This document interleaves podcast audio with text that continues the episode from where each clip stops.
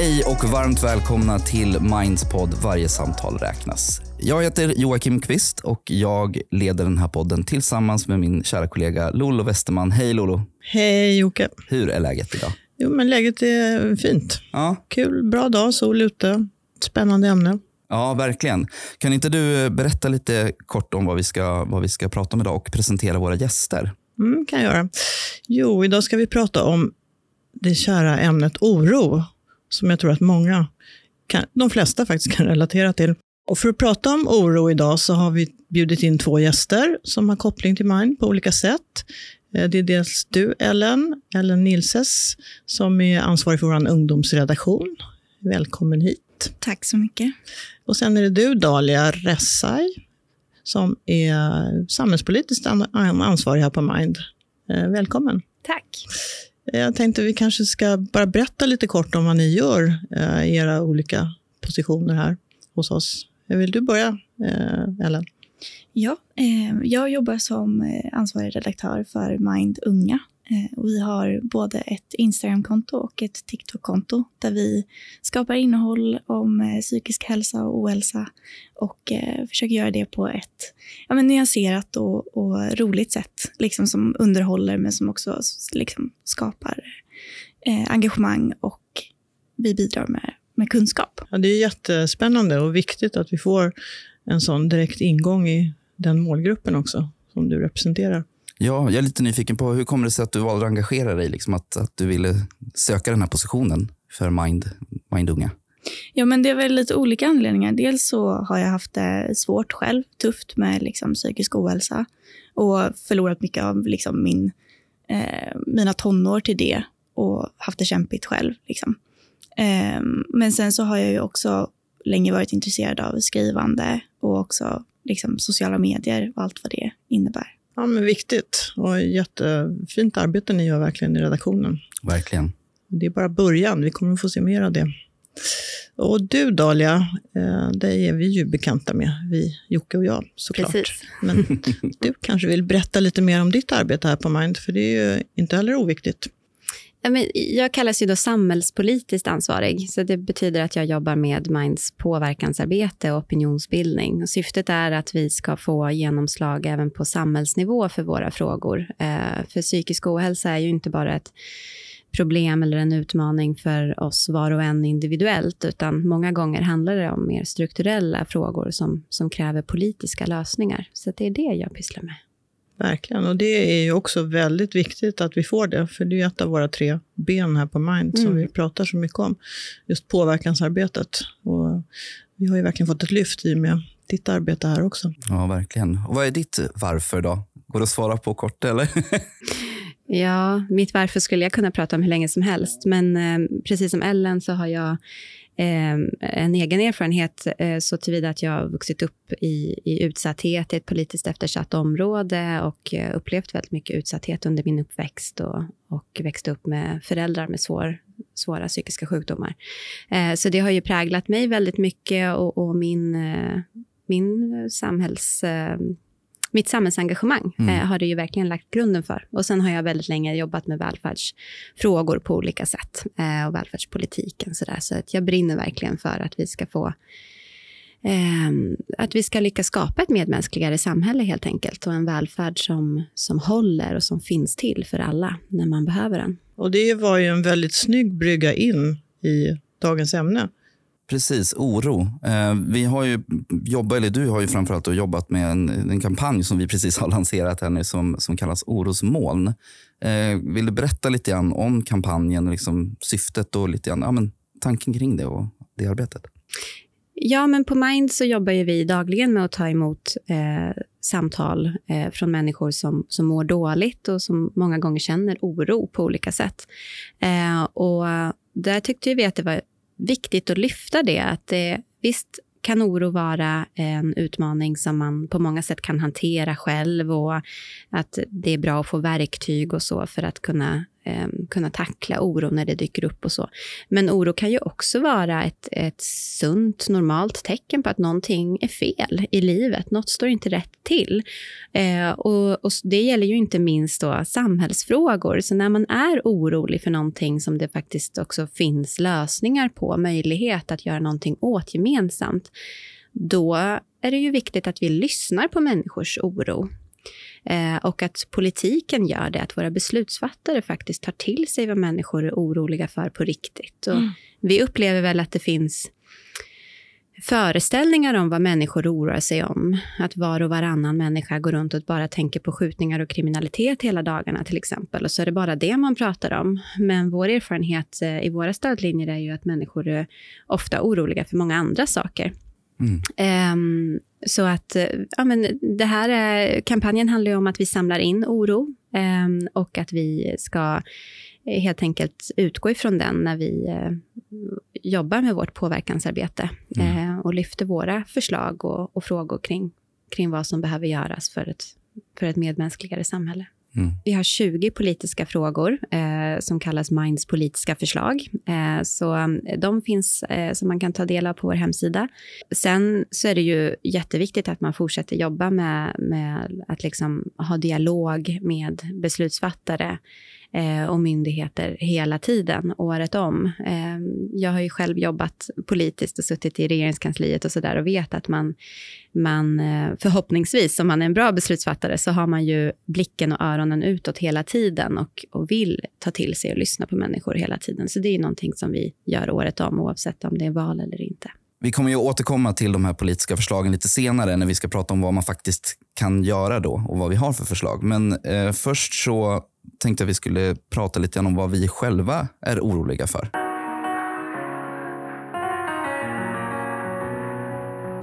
Jag tänkte vi kan börja med dig Ellen. Eh, du är ju liksom yngst i rummet här i alla fall. Ehm, och eh, jag tänkte, liksom, vad, vad, vad oroar du dig för och vad tror du att liksom unga oroar sig för idag?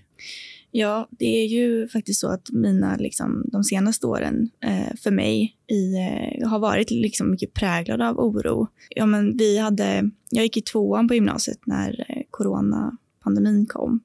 Och det var ju i sig väldigt liksom, oroande och skapade mycket oro i och med att man började tänka på ja, men framtiden. Vad, hur länge ska det här pågå? Kommer jag kunna liksom, göra klart skolan? Vad, kommer jag kunna, bara en sån sak som att så här, man har sett fram emot att fira studenten från att man börjar ettan. Kommer vi kunna ha ett studentfirande? Mm. Sådana saker kan ju, de kan ju verka ganska så här, fjantiga i sammanhanget, liksom, när människor dör i, mm. i en eh, pandemi. Men eh, det, det var många, tror jag, runt omkring mig också som kände att vi gick miste om om en viktig del av så vad det är att vara ung. Mm. Men jag är lite nyfiken, fick ni något stöd i det där i skolan? Eller så pratade ni någonting om just här, den här oron? Eller fick ni leva med den själva? Vi, eh, I alla fall på min skola så fanns det liksom resurser. Man kunde prata liksom med kurator eller skolpsykolog om man, om man hade det tufft. Och vi, det fick också, vi liksom fick mycket information om så här, men så här ser det ut och hur kan du tänka? Men det som var det svåra i det var ju att allt var ju digitalt på en skärm. Mm. Så det blev ju inte riktigt samma stöd som om man skulle gå till skolan och kunna prata med sina kompisar i verkligheten. Utan alla var ju bara som små ikoner på, på skärmen då under lektionerna. Mm. Dels det, men sen så har ju också ja, men jag alltid, sen liksom jag började förstå vad, vad klimatkrisen innebar, så har jag också själv varit väldigt orolig för eh, hur det ska gå mm. och om vi ska kunna klara att nå målen i Parisavtalet. Om, vi ska, om det finns något hopp ens att liksom rädda den, den jord som vi har och som vi bor på. Jag tror att många unga med mig liksom upplever att det är en väldigt maktlöshet inför att man står och litar på att politiker ska ta sitt ansvar, men man känner inte riktigt att, att de gör det. Men känner, känner du och din generation att ni har möjligheter att påverka Känner ni att ni har liksom resurser, verktyg? Jag tror att det har blivit bättre. Eh, jag har fler liksom runt omkring mig som blir intresserade för politik och, och engagerar sig. Men man kan känna att man får vara med, men inte riktigt på samma villkor. Mm. Trots att man ju har fyllt 18. Det gäller inte bara de som är under 18, utan också de som är unga vuxna. Ja, jag tyckte det var så intressant att höra dig Ellen, beskriva det här som jag själv har upplevt så mycket, att man blir förminskad på grund av sin ålder och lite grann eh, sådär, ja men sätt dig ner och vänta på din tur och som att man eh, det finns också ofta en bild av att kompetens är knutet till ålder, eh, vilket ju verkligen inte stämmer. Jag kan förstå att man beskriver att kompetens kan vara kopplat till erfarenhet, men erfarenhet har ju ingenting med ålder att göra, nödvändigtvis. Utan ibland finns det ett sammanhang, eller ett samband menar jag, men, men, ehm, men många gånger handlar det absolut inte om det. Och om det är någon som har erfarenhet av hur livet är som barn och ung, så är det ju barn och unga själva till exempel. Men också när det gäller andra frågor, klimatfrågan inte minst, att man, man har ju en ehm, ett eget, ett direkt intresse så att säga av att värna framtiden som, eh, som andra borde tillvarata eh, i, i högre utsträckning. Och det är så också, eh, vi jobbar ju mycket med just äldres rättigheter just nu också på Mind, utöver barn och ungas eh, rättigheter och hälsa. Eh, och det är intressant att det finns samma problem när det gäller äldre, att man förminskar äldre och på något sätt så anses ens kompetens inte vara värd lika mycket längre när man just har passerat en viss ålder. Det är många som vittnar om det och det finns forskning på det.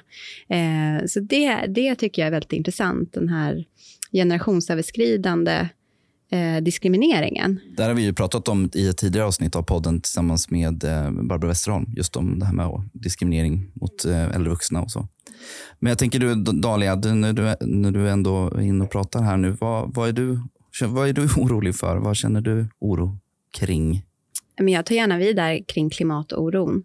Um, och den eh, känner jag nog främst när jag tänker på mina barn som är tre och fem år gamla. Och hur ska deras liv bli? Um, det blir ju lätt så när man blir förälder att man inte längre är liksom främst orolig för sin egen del, utan man tänker mycket på sina, på sina barn. Och um, Eh, nej men för mig är klimatfrågan den absolut viktigaste. Vi hanterar ju inte den som en ödesfråga överhuvudtaget idag. Eh, precis som Greta brukar säga, liksom, att om huset brinner, då behöver man ju också agera som att det brinner. Det gör vi inte. Vi sitter här lugnt och stilla och, och fortsätter som om, som om allt är lugnt.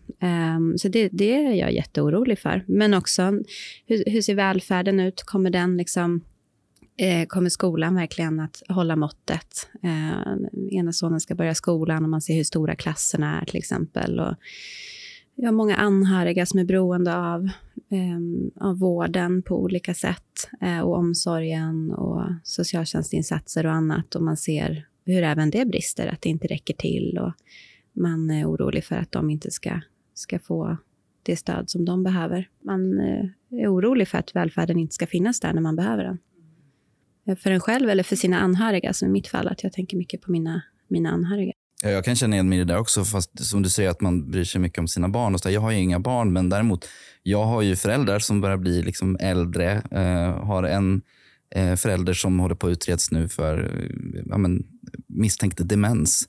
Och jag är jätteorolig för liksom, hur, hur kommer det gå. Man har ju, har ju hört historier om hur, ja, men hur äldre blir bemötta i vården och, och så. Så det, det är liksom min en av mina stora liksom, grejer som jag går och tänker på väldigt, väldigt mycket nu och som är en viktig liksom, fråga för mig i, i, i allting. Ja, och sen så tänker jag, vi här på Mind då med, med den erfarenheten vi har av alla som söker stöd hos oss, har ju sett också på nära håll hur psykvården fungerar eller inte fungerar och att det finns mycket där man kan oroa sig för. Hur ska det bli för alla som, som då mår dåligt av mm. olika skäl? Hur ska man kunna bli omhändertagen på ett bra sätt? Finns det resurser? Kommer det att finnas resurser?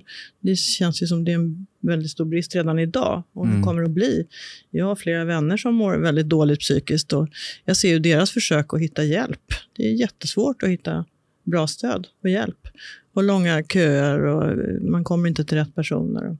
Så det kan jag ju känna på ett övergripande plan för det vi arbetar med och också för personligt för människor i min närhet. Att man kan oroa sig för. Och sen på samma sätt, det här med att bli äldre och vad innebär det för en? Kommer, hur blir det när man blir pensionär? Kommer, pension, kommer det finnas pensioner? Kommer det att finnas omsorg? Eh, kommer äldrevården att fungera på ett bra sätt? Mm. Nej, men det är sånt som ligger lite närmare för mig att tänka på i alla fall. Och eh, Det är också det som många vittnar om som ringer in i äldrelinjen. Det är sånt vi hör här på Mind. Mm. Jag tänker verkligen att den här röda tråden som vecklar ut sig nu när vi pratar om det är ju eh, rädslan för som sagt att, att man inte ska få det, det, stöd eller den behandling, den vård eller den utbildning som man behöver. Eh, och det är ju också kopplat till resiliens, som det heter så fint, motståndskraft, förmågan att studsa tillbaka. Alltså att vi, vi har ju byggt ett samhälle som faktiskt fortfarande står sig ganska väl om man jämför med många andra länder. Att vi har olika skyddsnät och de är ju till för att när livet är svårt eller när man blir sjuk eller man, man förlorar jobbet av någon anledning eller sådär, så ska man liksom kunna studsa tillbaka. Eh, och när man inte litar på att skyddsnätet finns där under en, då blir man ju orolig. Då blir man liksom mer rädd. Eh, och det ökar ju också risken för psykisk ohälsa, när man inte känner den där grundläggande eh, tryggheten och stabiliteten i livet. Att ja, men det är lugnt, jag, jag, behöver liksom inte gå runt och spänna mig här på styva linan och, och vara rädd för att någonting kommer hända, utan jag kan slappna av lite och jag kan känna tilltro och fram, liksom, framtidstro och jag kan eh, fokusera på nuet eh, och inte liksom, förbereda mig för det värsta som ska komma och sådär. Eh, det tror jag är jätteviktigt utifrån ett liksom, psykologiskt perspektiv. Mm. Vi behöver liksom också försöka att ge eh, våra medmänniskor liksom hopp och tro att det inte bara är nattsvart. För annars så, det känner jag igen väldigt mycket, att det blir lätt att man tänker att så här, men det är ingen idé. Liksom. Mm. Det är ingen idé att jag eh, förändrar mitt beteende, för det är ändå, saken är ändå förlorad. Liksom. Klimatet kommer ändå gå åt skogen. Och, och det är ju väldigt farligt om man börjar tänka så. Ja, men exakt. Det här hoppet och hur viktigt det är att man kan känna det genom hela livet. Oavsett vilken livsfas man är i så ska man alltid kunna känna den där grundläggande tryggheten och hoppet. Eh, oavsett om man är barn och, eller ungdom som ska etablera sig i vuxenlivet och, och liksom känner sig orolig för hur det ska gå med bostad och jobb och, och allt vad det är. Eh, eller om man eh, liksom är mitt i livet, eh, ja, som jag med, med små barn och, och eh, mycket ansvar både för för yngre och för äldre runt sig. Um, men även när man, när man har levt längre och um, börjar blicka tillbaka liksom, uh, på sitt liv och, och fundera på hur det ska hur det ska bli att åldras, att man då ska också kunna känna hopp och tillförsikt inför ålderdomen. Det tycker jag också är så sorgligt att vi inte har högre ambitioner för eh, hur det ska vara att åldras i det här landet. Jag Verkligen. tror, alltså, om var och en av oss skulle tänka på vår egen ålderdom så skulle vi ju vilja föreställa oss eh, livskvalitet och, och eh, möjligheten att fortsatt få utöva våra intressen och få ägna oss åt det som vi bryr oss om och våra nära och kära och få använda vår kompetens på olika sätt. Eh, men vi tillåter ändå att de som är äldre idag får en enormt bristande omsorg och inte alls sina grundläggande behov tillgodosedda som ja, men just den här medmänskliga kontakten till exempel, att den är ju lika viktig som mat och vatten, att man har någon att prata med och får chans att och, ja, just knyta an till andra människor runt om sig, känna sig värdefull och meningsfull för andra. Um, så det är väldigt fint på ett sätt, tycker jag, att uh, behoven som vi har som människor, de är i grund och botten de samma genom hela livet. Och sen så tar de sig lite olika uttryck. Mm. Ja, och visst är det så. Och det är också ett av de projekten som jag ska vara med nu och liksom, eh, råda i. I att vi ska låta den yngre och den äldre generationen mötas i, eh, i ett samtal om psykisk hälsa och ohälsa.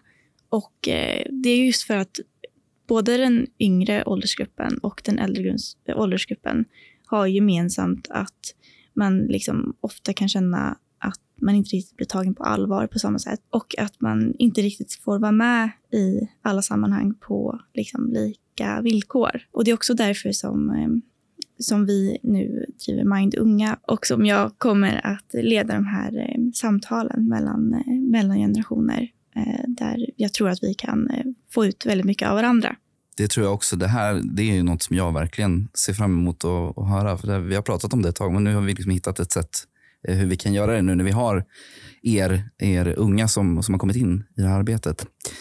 ska säga tack till dig Ellen för att du har varit med. Tack så mycket för att Ehm, jag fick vara med. Jättefint. Vi ska prata vidare med dig Dalia om eh, vad kan man göra åt det här då egentligen?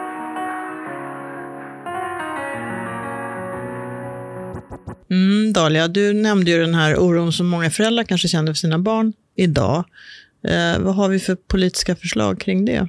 Att rusta barn och unga för välmående med skolan för häl- som hälsofrämjande nav, kallar vi det. Eh, för det är ändå i skolan som alla barn och unga finns. Och vi vet hur avgörande de första åren i livet är för eh, både framtidsutsikter men också för hälsan eh, på, på lång sikt. Ehm, men där har vi, fler, vi har fem konkreta förslag. Dels handlar, handlar det om att sätta psykisk hälsa på schemat. Det handlar om att vi vill förebygga utsatthet och ohälsa genom att fånga upp riskfaktorer, liksom fånga upp barn och unga eh, som mår dåligt eller far illa på ett mer systematiskt sätt. Eh, vi har också ett förslag om att rusta föräldrar så att man klarar föräldraskapet på ett bättre sätt. Eh, och, och sen måste vi ju ge varje elev vad hen behöver för att klara skolan. Idag är det en femtedel som inte ens klarar eh, grundskolan. Det är ju ett jätteproblem. Och det sista förslaget är, inom det området som verkligen rör barn och unga specifikt handlar om en hälsofrämjande fritidsaktivitet. För idag går ju många många barn och unga på fritids efter skolan. Och det ser vi också att man skulle kunna fylla den verksamheten med mycket mer hälsofrämjande innehåll eh, och se till att man verkligen eh, rustas med liksom, både verktyg och eh, får röra på sig fysiskt och, och sådär under den tiden som man spenderar på fritids. Jag tänkte det du nämnde här med att det är viktigt att, ett av förslagen här, att, vi, att man måste fånga upp de unga. Liksom, hur gör man det då? Alltså hur ska, hur ska det gå till? Det finns faktiskt väldigt mycket mer vi skulle kunna göra där. Ehm, i Kalifornien till exempel så jobbar man med, med någonting som heter eh, ACE och det finns en hel del forskning på det, Adverse Childhood Experience. Och då är det tio olika former av utsatthet under uppväxten som man pratar om, allt ifrån fysisk och psykisk misshandel till sexuella övergrepp och fattigdom och så vidare. Och man vet att var och en av de här faktorerna kraftigt ökar risken för ohälsa, utanförskap och utsatthet på lång sikt. Ehm, och genom att eh, screena för det här, genom att liksom mer systematiskt fråga föräldrar vad man själv har varit med om under sin uppväxt, då kan man också eh, hitta familjer som eh, har högre sannolikhet av att behöva stöd från samhället för att man ska klara sin föräldraroll och inte föra vidare trauman till nästa generation. Tyvärr är det ofta så att vi gör ju det vi känner till Mm. och, och, och det vi kan, så att säga. Vi gör vårt bästa, men vi gör det vi känner till. Och om man själv till exempel har blivit utsatt för, eh, för våld eh, så kan det vara svårt att Ehm, Ehm, det kan vara svårare i alla fall att veta hur man hanterar konflikter på ett, eh, på ett annat sätt. Eh, så det är ett exempel på att man då, då kan man redan på, på mödravårdscentralen, när någon väntar barn, så kan man liksom börja sätta in stödinsatser, att man kan få utbildning, att man kan få gå i terapi till exempel. Ehm, Eh, men även på, på BVC, under barnavårds, eh, på barnavårdscentralen, så kan man jobba eh, med att fånga upp familjer som behöver stöd. Det gör man till viss del redan idag. Men vi har inte tillräckligt bred palett av insatser och stöd heller för att sätta in till föräldrarna. Och samma sak gäller elevhälsan. Att vi, har, vi pratar ju mycket om hur viktigt det är att fånga upp barn och unga i elevhälsan. Att man verkligen pratar med barn och unga i skolan om hur de har det hemma och hur de mår. Och att man då fångar upp barn och unga i ett väldigt tidigt skede. Mm. Eh, innan det går för långt helt enkelt. Men du, det här med psykisk hälsa på schemat, hur ska man kunna implementera det? Hur ska det gå till? Ja, det är ju frågan. För jag tror att vi alla är överens om att barn och unga behöver rustas med kunskap och verktyg för psykisk hälsa. Ehm, och vi vet ju också att det är helt avgörande för att man ska klara av sin skolgång och kunna tillgodogöra sig undervisningen, att man mår bra. Ehm, så jag upplever att Eh, beslutsfattare håller med oss i, i princip. Men sen finns det li, lite olika uppfattningar om, om hur det här ska gå till. Och, och en del förespråkar att det ska in i idrott och hälsa, eh, att det integreras där. Andra att man kanske reglerar de här temadagarna eh, som man har i skolan och att de är hälsofrämjande och att man då får verktyg för psykisk hälsa för att veta liksom hur man ska förstå sig själv och andra. Vad gör man om man mår dåligt? Vad behöver man göra för att må bra? Hur stöttar man en kompis? Den typen av verktyg. Och, och ytterligare andra förespråkar att det ska vara ett eget ämne. Eh, det finns ju många andra ämnen som man har infört eh, genom åren, liksom teknik och ja, det finns alla möjliga olika ämnen som man har tyckt är viktiga. Vi på Mind har ju valt att inte låsa oss vid ett specifikt eh, förslag, en specifik lösning, utan trycka mest på att det är viktigt att alla elever får den här kunskapen. Ehm, vi har respekt för att skolan redan nu är under stor press och att, eh, att det är knepigt att lösa det praktiskt. Eh, men att man måste lösa det, att man måste hitta ett utrymme för att alla får den här livsviktiga kunskapen. Där ruckar vi inte på oss. Eh, men vi pratade ju också om det här med välfärd och medmänsklighet. Eh, har vi något förslag kring det? Ja, vi har fem förslag under rubriken eh, Satsa på en medmänsklig, jämlik och tillgänglig välfärd av hög kvalitet. Um, och dels så handlar det om att vi uh, anser att man ska utse ett särskilt statsråd, alltså en minister som får ansvar för att uh, samordna och inrikta politiken. Det handlar om att man helt enkelt har ett mandat att peka på alla politikområden. För idag jobbar vi ju i stuprör i olika, uh, både i förvaltningar och på myndighetsnivå och även inom regeringen. Och då sitter var och en och pysslar med sina politiska frågor. Men psykisk hälsa är ju ett område som spänner över nästan alla politikområden. Verkligen. Och om man inte kan ta det, det helhetsansvaret eh, och ha den överblicken och förstå komplexiteten och hur det hänger ihop och, och, vad man behöver skruva på i respektive system, då kommer man inte åt det här helt enkelt. Eh, det är så enkelt. Eh, så därför behöver styrningen, det kanske är inte är så sexigt att prata förvaltningspolitik, men, men det är skitviktigt mm, faktiskt, mm. att, man, att man jobbar på ett annat sätt med, med styrningen. Sen har vi ett förslag om primärvården, alltså vårdcentralerna, att de behöver ha tid och kompetens för att möta psykisk ohälsa. Vi vet att eh, man inte riktigt har det man behöver där för att eh, verkligen upptäcka psykisk ohälsa hos alla grupper och sådär. Eh, och det finns inte heller tillräcklig kapacitet att erbjuda liksom, samtalsterapi och så. Vi vill ha en samlad ingång till välfärden. Vi har ett förslag som heter Säkra medmänsklig välfärd och ehm, sen vill vi också att vi eh, ska stärka kvaliteten och tillgängligheten till den specialiserade psykiatrin då för de som, som behöver specialiserad vård. Ja, men vad, säkra medmänsklig välfärd, vad betyder det? Alltså, vad, vad, vad innebär det? Mm. Ja, det är lite det som jag var inne på här tidigare, eh, behovet av en mellanmänsklig kontakt, att det är lika viktigt för oss människor som mat och vatten.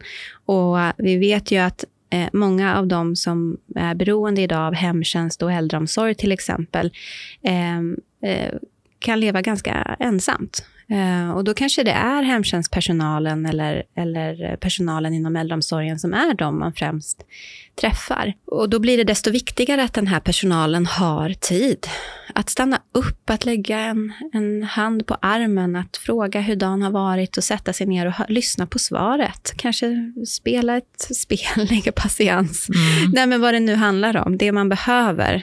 Um, och det skulle jag säga att man ofta betraktar nästan som en guldkant.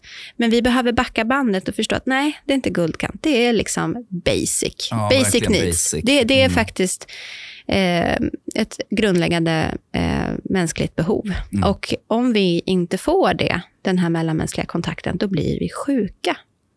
Det är bevisat att vi blir allvarligt sjuka.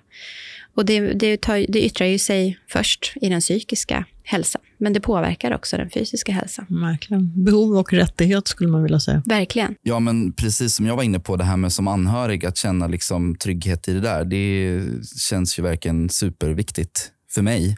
Vi har förslag även när det gäller anhöriga specifikt. Ja. Um, då har vi en rubrik som, som heter Investera i mänsklig hållbarhet och att hälsa just är en jämlikhetsfråga.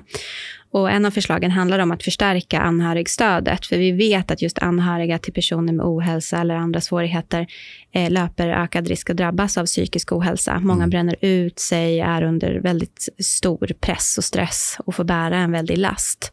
Eh, så där behöver man eh, förstärka det stödet som, som erbjuds redan idag med anhörigkonsulenter, men också komplettera det med bättre praktiskt stöd. Och, eh, ja, sen är det förstås så, som vi var inne på, att om man vet att välfärden eh, finns där.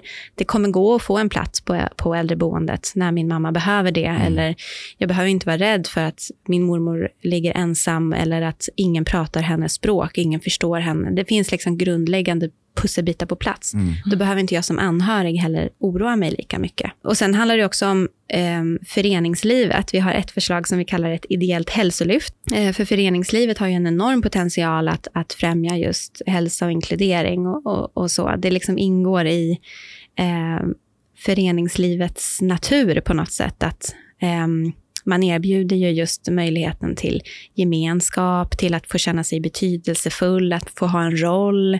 Det är väldigt mycket av det här som vi människor behöver eh, för att må bra, som föreningslivet kan erbjuda. Och då måste vi göra mer för att stärka föreningslivet, för det är i sig en investering i mm. människors hälsa. Eh, och så har vi även eh, förslag kring, eh, som vi kallar en värdig lägstanivå, att säkra grundläggande rättigheter för de som är mest utsatta och lider av svårast ohälsa. Vi vill införa något vi kallar första linjens socialtjänst eh, och sen eh, vill vi även att det upprättas en nationell utfallsfond för sociala investeringar. Det är lite oj, tekniskt oj, och krångligt. Vad betyder det? eh, ja, men det handlar om att idag eh, så, så funkar det så att man tar kostnaderna budgetår för budgetår. Så det innebär att eh, större kostnader som det ofta rör sig om när det handlar om förebyggande och främjande sociala insatser eh, anser man sig ofta inte ha råd med, för det kostar för mycket här och nu. Men samtidigt är det ju så att det lönar sig på sikt. Om vi ser till att en ung till exempel inte eh, hamnar snett, eh, inte klarar skolan, hamnar i kriminalitet till exempel. Eller eh, att man stärker familjen innan det går så långt att man måste omhänderta ett barn. Eh, man ser till att föräldrarna mår tillräckligt bra för att kunna sköta sin föräldraroll innan, föräldrar, innan barnen blir traumatiserade och sen lider av ohälsa under oöverskådlig framtid. Mm. Det finns så många olika exempel mm. där en eh, relativt billig insats faktiskt här och nu kommer bespara samhället jättestora mm, kostnader på sikt. På sikt. Mm. Men vi har liksom inte riktigt eh, systemen för att göra det här. Och Sen behöver man också ett utrymme för att testa. Vad funkar då? Vad, vad får effekt? Och då är det här med utfallsfonder och sociala investeringar ett sånt sätt att, att få testa det här, att få det kapital som krävs, liksom de pengar som krävs för att investera i det här och nu och förstå att det är inte bara en kostnad, utan det är en investering. Det kommer löna sig på sikt. Skulle du inte kunna berätta lite mer om eh, hur vi ska kunna stärka rättigheterna för de som är svårast sjuka? Ja, men det här är ju en hjärtefråga, eh, inte minst för mig, till exempel som har en man, mamma som lever med schizofreni och jag ser ju hur hur tillvaron ser ut för henne. Lägstanivån är väl den är alldeles för låg, helt enkelt. Eh, vad vi tycker är ett värdigt liv idag och vilket stöd man då eh, kan få. Till exempel så vet vi ju att eh, det är jätteviktigt att ha en meningsfull sysselsättning, som vi har pratat om, att få känna sig betydelsefull. Och där går det att göra väldigt mycket mer inom arbetsmarknadspolitiken till exempel med olika subventioner och stöd till företag, organisationer, föreningar som tar emot personer som kanske inte är produktiva, som inte kan, kan bidra på det sättet, men som behöver få, få vara i ett sammanhang och få känna sig betydelsefulla, mm. att de får bidra. Mm. Det är jätteviktigt att har ett, eget, ett, ett egenvärde. Mm. Um, men det handlar ju också om boendestödjare till exempel och att vi behöver stärka rätten till det och att man får möjlighet att ta sig ut och, och eh, vara i, i naturen till exempel, få frisk luft och få stöd till att komma iväg till andra aktiviteter, bryta ensamhet på olika sätt och eh, eh, stärka livskvaliteten och egenmakten. Eh, för det, vi pratar om, om några av samhällets allra mest utsatta här. Mm.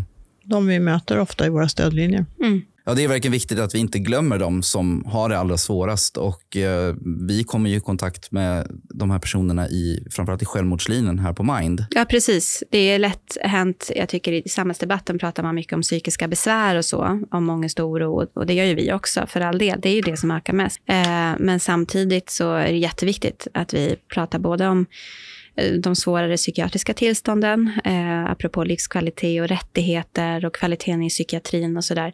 Men också just om självmordspreventionen och om, om självmordstankar. Eh, de, den mest akuta formen av psykisk ohälsa. Mm. Um, och, det, och, där har vi självklart också förslag, ett helt eh, eget kapitel då med fem förslag, eh, som handlar om att vi behöver ha ett mer systematiskt arbete eh, mot självmord i hela samhället. Eh, och, och dels vill vi ju då att alla kommuner ska vara skyldiga att ha en handlingsplan eh, för självmordsprevention. Eh, vi vill att det införs kunskap och rutiner för självmordsprevention, hur man jobbar med det här för all personal som jobbar i kontaktnära yrken, det vill säga i myndigheter till exempel, som, eh, som jobbar med, med personer som eh, riskerar vräkning eller utförsäkring, skuldsanering, närstående som går bort, vårdnadstvister. Det finns sådana eh, situationer i livet som är särskilt påfrestande och då behöver man en viss kompetens för att kunna se att här är det någon som mår riktigt dåligt som jag måste fånga upp och slussa vidare så att man får stöd. Eh, sen har vi ett förslag som, som gäller samverkan och informationsöverföring. Det är kul att det har man lyft också nu eh, i den politiska debatten. Alltså vikten av att man kan dela information mellan myndigheter och så. Eh, så att ingen faller mellan stolarna, att man inte tappar eh, viktig information om någon verkligen eh, löper risk att begå självmord. Eh, vi vill också att man genomför så kallade händelseanalyser och haveriutredningar. Att när någon har tagit sitt liv så måste man analysera det systematiskt för att se om det finns möjliga brister eh, som man kan åtgärda för att det här inte ska återupprepas. Eh, och sen behövs det också mer forskning för att täcka eh, kunskapsluckor. Mm.